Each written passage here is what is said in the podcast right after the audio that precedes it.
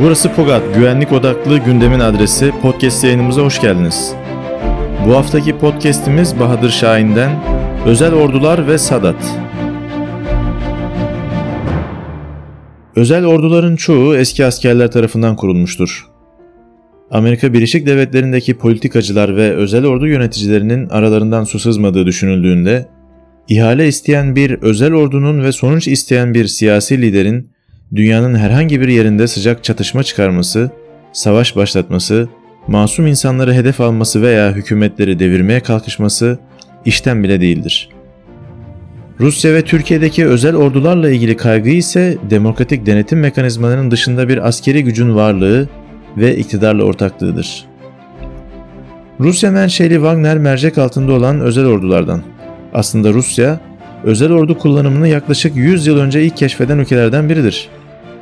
Çin-Japon savaşına müdahale eden hava indirme birlikleri, pilotundan teknisyenine gönüllü olarak çatışmaya girmişler ve Rus ordusu ile ilişkileri asla ispatlanamamış ve Ruslar tarafından da kabul edilmemiştir.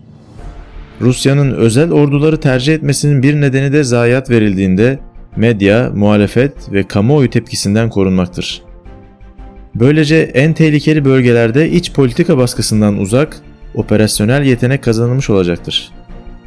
Son olarak Belarus seçimlerinde ve Kırım'da görülen rütbesiz üniformalıların da Rus hükümeti adına çalışan Wagner üyeleri olduğu iddia ediliyor.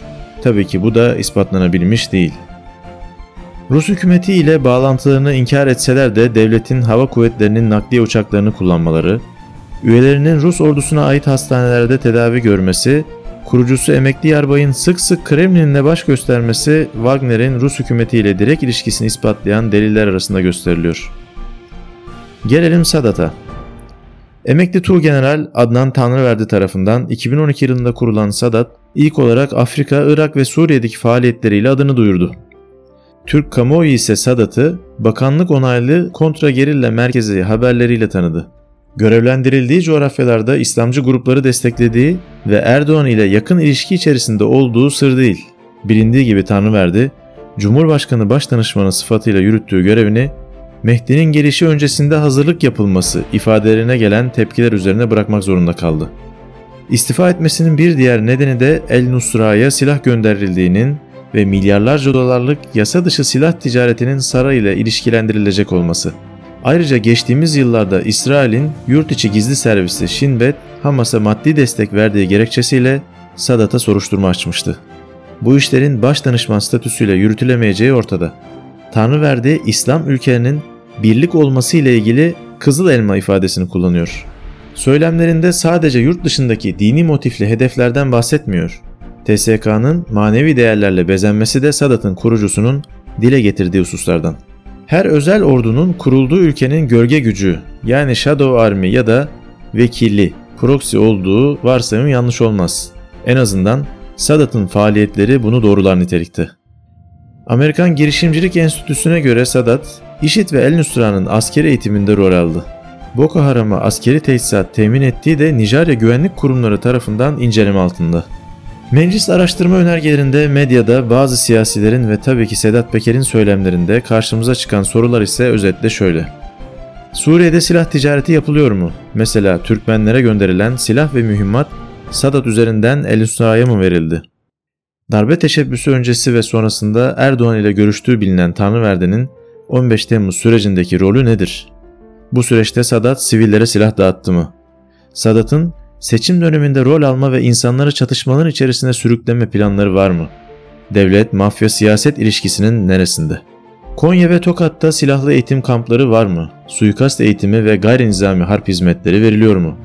Örneğin gayri nizami harp kursunu bitirenler sabotaj, tahrip, suikast, kurtarma ve kaçırma, sokak eylemleri ve gizli etkinlikler konusunda yetenek kazanıyorlar mı?